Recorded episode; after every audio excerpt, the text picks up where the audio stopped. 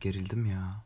Ne gerilmesinden bahsediyorsun oğlum? Bütün hafta niye beni darladın o zaman bunu yapalım yapalım diye? Her zaman yaptığımız şeyden farklı bir şey yapmıyoruz ki. Ya ne bileyim. Biraz mahremimizi açıyoruz gibi hissettim. Evet. Bugün yanımda hepinizin çok yakından tanıdığı bir isim var. O isim ki bu podcast'ın hayata geçirilmesinde çok büyük katkıları olan bir isim. Ve bu isim ki bazılarının dişçisi ve bu isim ki bazılarının Metin kardeşi. Evet evet doğru bildiniz. Bugün Tantansel Show'da Tantansel yanımda. Tancım hoş geldin. E, Tancım format gereği bir noktada senin de konuşuyor olman lazım. E, bütün formatı tek başıma götüremem. E, o yüzden sen istemesen de ben konulara giriyorum. Evet e, kutlu olsun mutlu olsun. E, 29 yaş bitti. 30'un pasaport kuyruğundasın. Dile kolay 29 sene. E, neler hissediyorsun? Geçtiğin yoldan memnun musun? Hayatta keşkelerin var mı? Neler söylemek istersin bize? E, böyle bir yere varamayız dostum. Anlatabiliyor muyum? Ee, yani bir noktada konuşman lazım. Hayatından memnun değil misin yoksa? Yo yani e, hayatımdan memnunum. Yani e, olduğum insandan memnunum. E, etrafımdaki insanlardan memnunum. Yaşadığım şeylerden, ilişkimden. Yani şu an şükrettiğim çok şey var. Hayatımdan memnunum ya öyle bir durum yok. E, ama hayatta keşkelerim de var e, öte yandan. Yani şöyle ben alternatif gerçeklik düşüncelerini çok severim. Yani neden sonuç ilişkileri içerisinde e, farklı seçimlerin insanda nasıl farklı sonuçlar doğurabileceği düşüncelerini hem dünya için hem kendi özelimde bunları düşünmeyi severim, düşünürüm de. Ee, yani geriye dönüp baktığımda bazı yapacağım hamlelerin şu anki hayatımla ilgili çok daha pozitif katkıları olabileceğini gördüğüm bazı kırılmalar noktasında ee, keşke yaptığım yapsaydım diye düşündüğüm şeyler var ama e, genel olarak hayatımdan memnunum aslına bakarsan ya yok öyle bir durum değil. Evet e, birazcık naza çekmen gerekiyormuş kendi. Oğlum bak dedim sana ya bu kadar şey yapılacak bir şey yok. Her zaman yaptığın şey. Şu an iyi tribe girdin çok iyi gidiyorsun harikasın. Evet Tancım geçenlerde aldığın bir mesajla devam etmek istiyorum. Biraz keyifli konulardan bahsedelim. Geçenlerde yıllar önce seni takip ettiğini söyleyen bir izleyicin yıllar içerisindeki bu takiplerini sürdürmüş ve senin Instagram'a Instagram alemine geri dönmenle sana ulaşmaya çalışmış tekrar. Ve bu ulaştığı mesajda diyor ki Zamanında seni izleyerek senden ilham almış ve diş hekimliği fakültesine girmiş. Çok tatlı, çok naif bir mesaj. Ee, neler hissediyorsun, neler hissettin? Ee, birisinin hayatında böyle tatlı bir dokunuşta bulunmak seni mutlu etti mi? Neler hissettin? Anlat bakalım bize biraz. Ee, yani şöyle, e, açıkçası hem mutlu etti hem biraz üzdü. Yani mutlu etti çünkü diş hekimi olacak. Üzdü çünkü diş hekimi olacak ee, kardeşimiz Simge. Yani hani bir düşündüğüm zaman şu an diş hekimliğinde e, çok fazla diş hekimliği fakültesi açmasını sıkıntısı açılmasına sıkıntısı çekiliyor. Ve bu diş hekimleri birliğinin de hani çok fazlasıyla eleştirdiği bir konu. Yani hani şu an 3. sınıftaymış. 2 senesi var, 3 senesi var. Hani bitirdikten sonra inşallah mutlu olur. İnşallah yani bu verdiği karardan dolayı pişman olmaz diye düşünüyorum. Çünkü bence e, okuması da icra etmesi de zor bir meslek. Özellikle Türkiye'de. Ama açıkçası bu mesaj bana gurur verdi ya. Gerçekten açıkçası çok yani, yani mutlu oldum. Çünkü yani hani slime challenge videosu da çektiriyor olabilirdim. Ee, öte yandan hani başka şeylere de özendiriyor olabilirdim. Ee, mesleğime özendirilmesi ve onun da böyle bir seçimde bulunması açıkçası beni gururlandırdı gerçekten ya. Yani benim aslında bakarsan e, insanların göz önünde olup bir şey söyleme veya bir şey gösterme imkanı olan insanların ben bunun e, zaten bu tarz bir ilham vermenin sorumluluğu olduğuna inanıyorum. E, ben de kendimce herhalde şaklabanlıklarım arasında sorumluluğumu yerine getirmişim diye düşündüm. O yüzden iyi hissettim. Bence gerçekten gurur verici. Evet e, gerçekten gurur verici olduğunu söylüyoruz. Çünkü şöyle senin hikayendeki gurur verici olaylara baktığımız zaman evet e, e, 2013-2014 yılında diş hekimliği fakültesi FIFA turnuvasını kazanmışlığın var. Efendime söyleyeyim 2014 yılında tekrardan İstanbul Üniversitesi Diş Hekimliği Fakültesi League of Legends takımı kaptanlığı yapmışlığın ve okul turnuvasını kazanmışlığın var. E, öte yandan baktığımız zaman birkaç e, başarılı birkaç da başarısız sahne girişimin oldu. Ee, öte yandan bir insanın diğer insanlara bu tarz bir motivasyonla ilham olması seni içten içe mutlu ettiyse ve gururlandırdıysa e, hakkıdır hakka tapan milletimizin istiklal diyelim. Evet diş hekimliği okuması zor dedin. Peki hayalin miydi senin diş hekimi okumak? Yani yani hayalindeki meslek değilse okumadaki zorlukla karşılaşınca neler hissettin? Yani açıkçası benim hayalim diş hekimliği falan değildi. Hatta diş hekimliğini e, masadan çok kolay kaldırmıştım. E, üniversiteye hazırlandığım sene e, tenis oynuyordum. E, tenis arkadaşlarımdan bir tanesi de e, Ardent kliniklerinin sahibi Bahçeşehir'deki Serdar Çekiş'ti. Ee, Serdar abi sağ olsun bize akranı gibi davranırdı, sohbet ederdi falan filan. Ben ona hani sorduğumda e, bana diş hekimliğini tavsiye eder misin abi dediğimde ben oğluma bile tavsiye etmem. Bence sen de olma demişti. Ben hemen masadan kaldırmıştım bir sene önceden. Ancak e, sonuçlar geldikten sonra biraz da yumurtanın da kapıya dayanmasıyla e, yani şöyle ben House özentisiydim. Doktor House'a çok özeniyordum. Bir yandan da hani genetik mühendisliği gibi idealist e, hayallerim vardı. Ne yapacaktıysam hani örümcekleri falan toplayıp kendim ısırtacaktım herhalde. Öyle fantezilerim vardı. E, ya ailem bu gitgellerimin farkında olup e, biraz da yumurtanın kapıya dayandığını görünce Akçakoca'da yazlıkta hiç unutmuyorum. Oturduk kahvaltı masasına tercihlerden iki gün önce. Ee, anneannemle babam şöyle bir bana baktılar. Sonra anneme baktılar. Sonra birbirlerine baktılar. Sonra tekrar bana baktılar. Dediler ki sen biraz şımarık büyüdün dediler. Dediler ki sen birisinin altında çalışamazsın dediler. Sonra dediler ki güzel de para kazanma ihtimalin var. Sosyal ilişkilerin iyi. Sen dediler dişçi ol. Ben de dedim ki okey. Ee, şöyle çünkü house özentisiydim ama sonuçlar geldiği zaman house olmak istiyorsam tırnak içerisinde ok meydanında çalışmadan önce ee, benim İstanbul dışına gitmem gerekiyordu. Bu house özentiliğimin çok yoğun bir kıvamda olmadığını gördüm. Ee, İstanbul dışına tıp yazmadığım zamanda da. Ailem de bana uygun gördüğü mesleği söyleyince de okey dedim diş hekimi olayım. Ee, ilk iki sene çok zorlandım. Hastalana kadar gerçekten çok zorlandım. Ee, yani hani diş hekimliği ilgili kulaktan dolma bilgileri olan insanların bile bildiği hani sabun oyma kadar kısımlarında falan ben o kısımlarda falan çok e, şeydim özellikle. E, hastayla birebir ilişkiye geçtikten hastaya tedavi etmeye başladığımız süreçte açıkçası biraz daha rahatladım. E, çünkü bence motive eden bir şey. Karşı tarafın sıkıntısını çözmeniz e, bence insanı çok motive eden bir şey.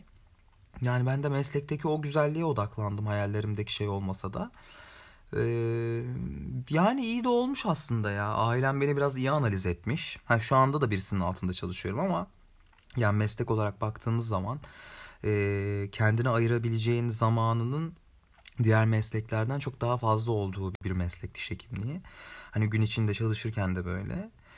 Ee, o yüzden iyi ki diş hekimi olmuşum diyorum ya. Yani hani karantina döneminde biraz aslında çok da benim için doğru meslek olmadığını fark ettim biraz farklı kısımlarda yapabileceğim şeyleri düşünüp e, zamanım daha fazla olsaydı.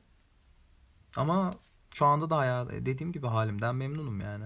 Evet, e, şımarık yetiştirildiğinle ilgili bir anekdot paylaştın bizimle. Bu şımarık yetiştirilmenin altyapısındaki sebepler neler sence? E, yani şöyle hani ben bizim ailenin ilk torunuyum.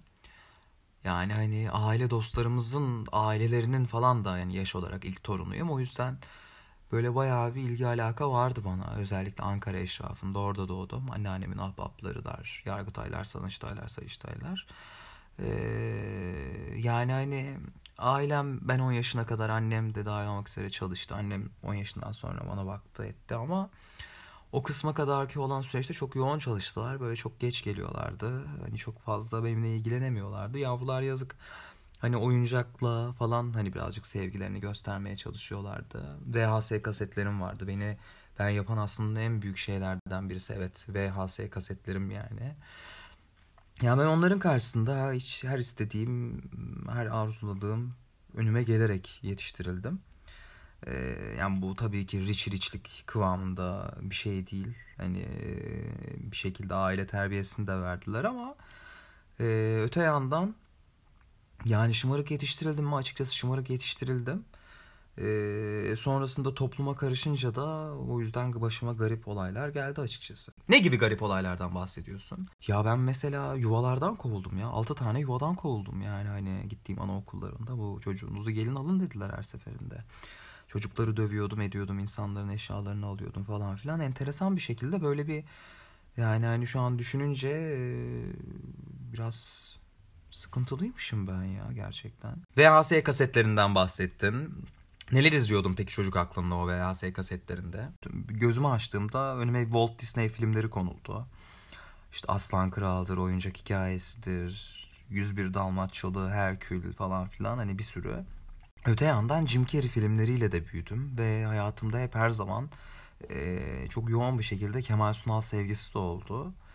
E, yani böyle VHS kasetlerimde döndürüp döndürüp Jim Carrey filmlerini izlerdim yani Ace Ventura'lar, Efendime söyleyeyim Truman Show'lar onlar bunlar. Robbie Williams filmleri, Eddie Murphy filmlerini çok izlerdim. Jumanjiler, e, Çatlak Profesörler. Hani e, günümün çok büyük bir kısmı bu televizyonun karşısında geçtiği için yani aslına bakarsan tam Amerika'nın o kültürel propagandaları içerisinde sahip olmak istediği e, o kültürel emperyalizmin vücut bulmuş haliydim. Yani hani abur cubur yiyen ve televizyonun karşısında tamamen onların kültürleriyle beslenen bir velettim yani.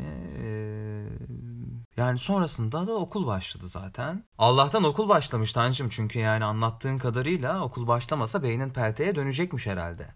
Yani aslında sen şimdi böyle deyince bir düşündüm de benim beynim pelteye biraz dönmüş ya. Yani ben çok geçti okudum ya. Yani hani okumada da çok sıkıntı yaşadım. Yumuşak G'lerle falan çok sıkıntı yaşadım. Öte yandan. Ne? G dedim ya saçmalama. Ee, neyse ee, şöyle. Yani hani evet düşünüyorum bir sürü yuvadan kovulmuşum ee, çocukları dövdüğüm için. İlkokul başladığında hatırlıyorum 43 kişilik bir sınıftı. Yani garip garip dinozor sesleri çıkarıyordum. Atatürk denildiğinde ağlamaya başlıyordum. Böyle Mehmet Ali Erbil taklitleri yapıyordum. KP Bizans'taki illetyusu oynuyordum sürekli sınıfın ortasında falan filan. Böyle yani o hiperaktif o veli toplantılarında ailesini mahcup eden çocuktum gerçekten. Ee, bende bir sıkıntı varmış ya gerçekten. Benim beynim biraz pelteye dönmüş herhalde. Ee, şimdi Tancım anlattığın kadarıyla e, sen sen şımarık yetiştirilen bir çocuğun topluma geçiş süreci içerisinde kendinden başkalarının bireyselliğini fark etmediği ve o bireyselliklerin sadece onun çıkarları için kullanılması gerektiğine inandığı bir hayal dünyasından ayaklarının yere bastığı ama toplumun kurallarının onun evinin çekirdek ailesinin ona gösterdiği ilgileriyle alakası olmadığı kısımda birleştiği bir bir apartman çocuğunun topluma karışma serüveni içerisindeki yabanileşmesini anlatıyorsun. Yani herhalde öyle bir şeyden bahsediyorum. Bravo sana. Bravo sana. Çok güzel. Çok güzel. Çok sevindim. Ama şöyle e, aslına bakarsan senin bu ilgi görme yani bu şımarık yetiştirilmenden kaynaklı ilgi görme efendime söyleyeyim sana çok küçük yaştan itibaren önüne konulan yani idol diyebileceğimiz insanlar aslına bakarsan e, sana çok naif bir taraf katmış. Yani benim anladığım kadarıyla sen gülme ve güldürme ile ilgili bir şeyleri çocukken hemen empoze etmişsin içine.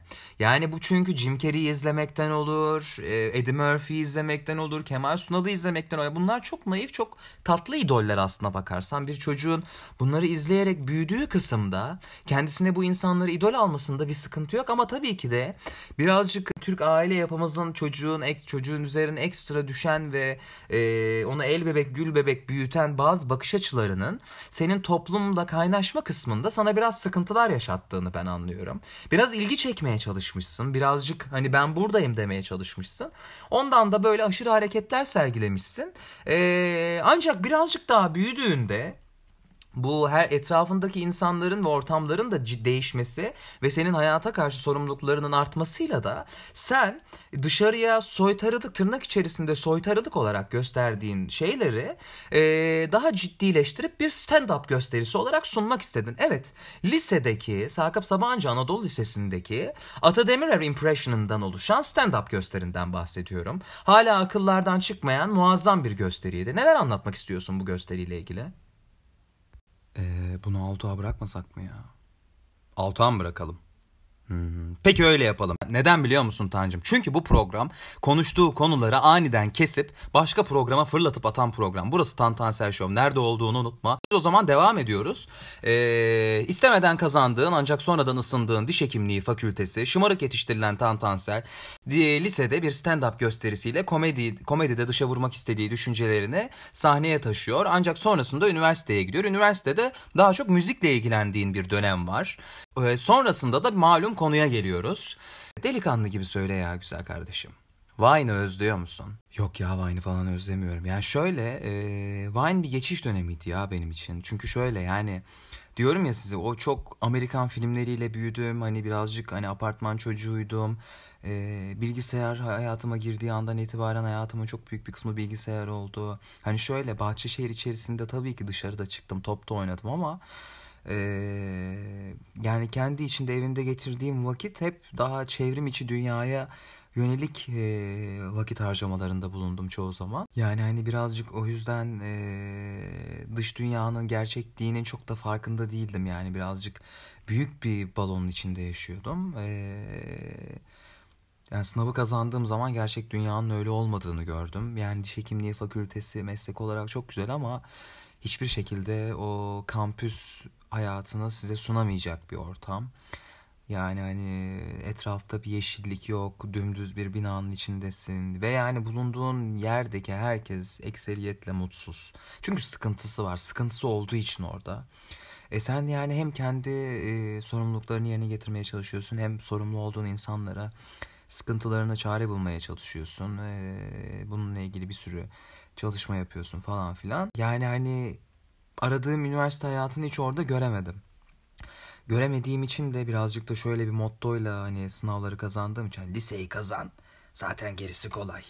Üniversiteyi kazan hayatın rahatlayacak falan filan tarzındaki düşünceler. Hani üniversiteyi kazanınca işte rahata gelmedim yani. Hani ilk iki sene burnumdan geldi. 3-4-5'te daha işler rayına oturduğu için aktı gitti ama. Yani o üniversite Amerikan rüyasını hani yaşayamadığım için Vine'da üniversite 3-4 arasındaki 2013 yılında patladığı kısımda yani benim de birazcık okuldan sıkıldığım ettiğim vakitte benim için yani insanlarla sosyalleşmek için bir tık ilgi görmek için benim için e, bir böyle geçiş dönemiydi ya.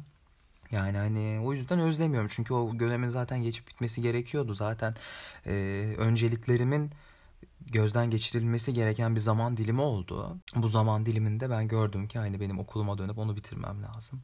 Wine Mine falan hani benim kendime çizdiğim hayat planı bu değildi. E, nitekim bıraktım ettim. Gayet de mutluyum açıkçası o zaman da bıraktığım için. E, sosyal medya ile ilgili de detoksa başladım. Hani sonrasındaki kısımda e, okulu bitirdikten sonra çalıştım ettim. E, Instagram'ı da sildim bir dönem. 3 sene kadar kapalı kaldı. Hani bu podcast'i yayınlıyoruz diye açıkçası. Instagram'a tekrar geri dönüş yaptım. Onun dışında hani Vine bir geçiş dönemiydi. Hayır Vine'ı özlemiyorum ama evet. Peki TikTok açmayı düşünüyor musun? Yani TikTok açmayı tabii ki düşünmüyorum. Ee, yok ya şu an hani e, kendimle ilgili söyleyeceğim sözleri veya göstermek istediğim şeyleri yapabilmek için daha iyi bir bilgi birikimine sahibim açıkçası yıllar içerisinde. Ee, çok fazla tükettiğim içerikten dolayı. Şimdilik yani bu podcast bence iyi gidiyor.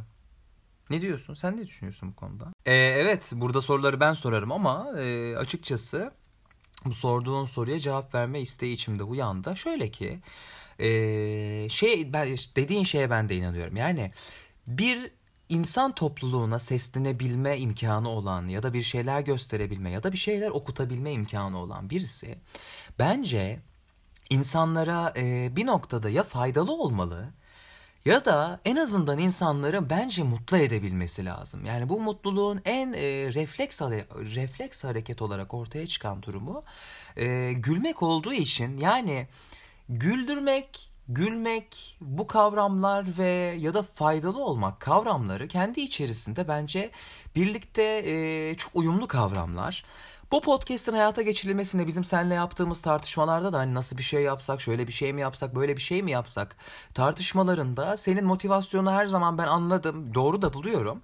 Ee, şu bakış açısı da aslında doğru. Yani baktığın zaman her insan aslında kendi en yakınları için bir celebrity.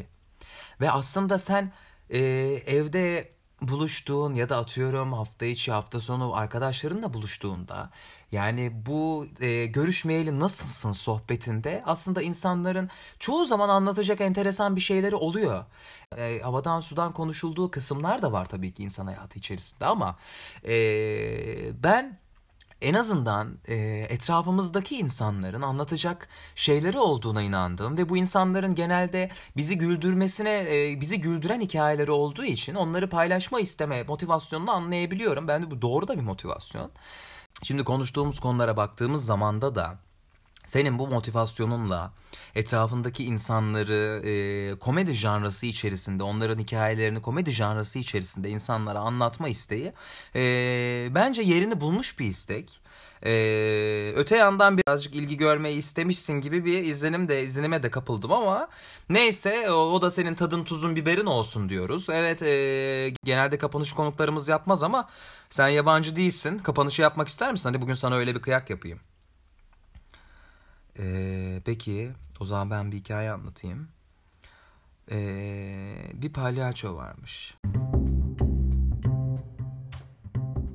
Evet, bugün dinleyenlerimize mahremimizi açtığımız bir program oldu.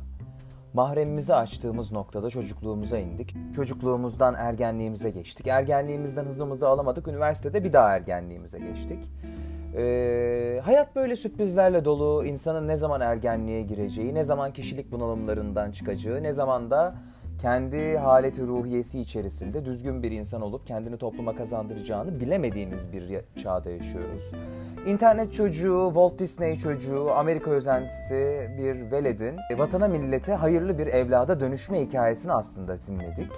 Ee, kendisine ben bugün açık yüreklilikle cevap verdiği sorularından dolayı, yaptığı öz eleştirilerden dolayı ve zamanında gerçekten güzel yaptığı dinozor taklitlerinden dolayı kendisine hem teşekkür hem de tebrik ediyorum. Ee, siz de eğer kendinizi sorgulamak istiyorsanız, aynanın karşısına geçiyorsanız ve kulağınıza Tantansel Show'u takıyorsanız, evet, evet, evet gerçekten doğru podcast'i dinliyorsunuz demektir. Tantansel Show özel bölümüyle sizdeydi. Haftaya görüşmek üzere. Hoşçakalın.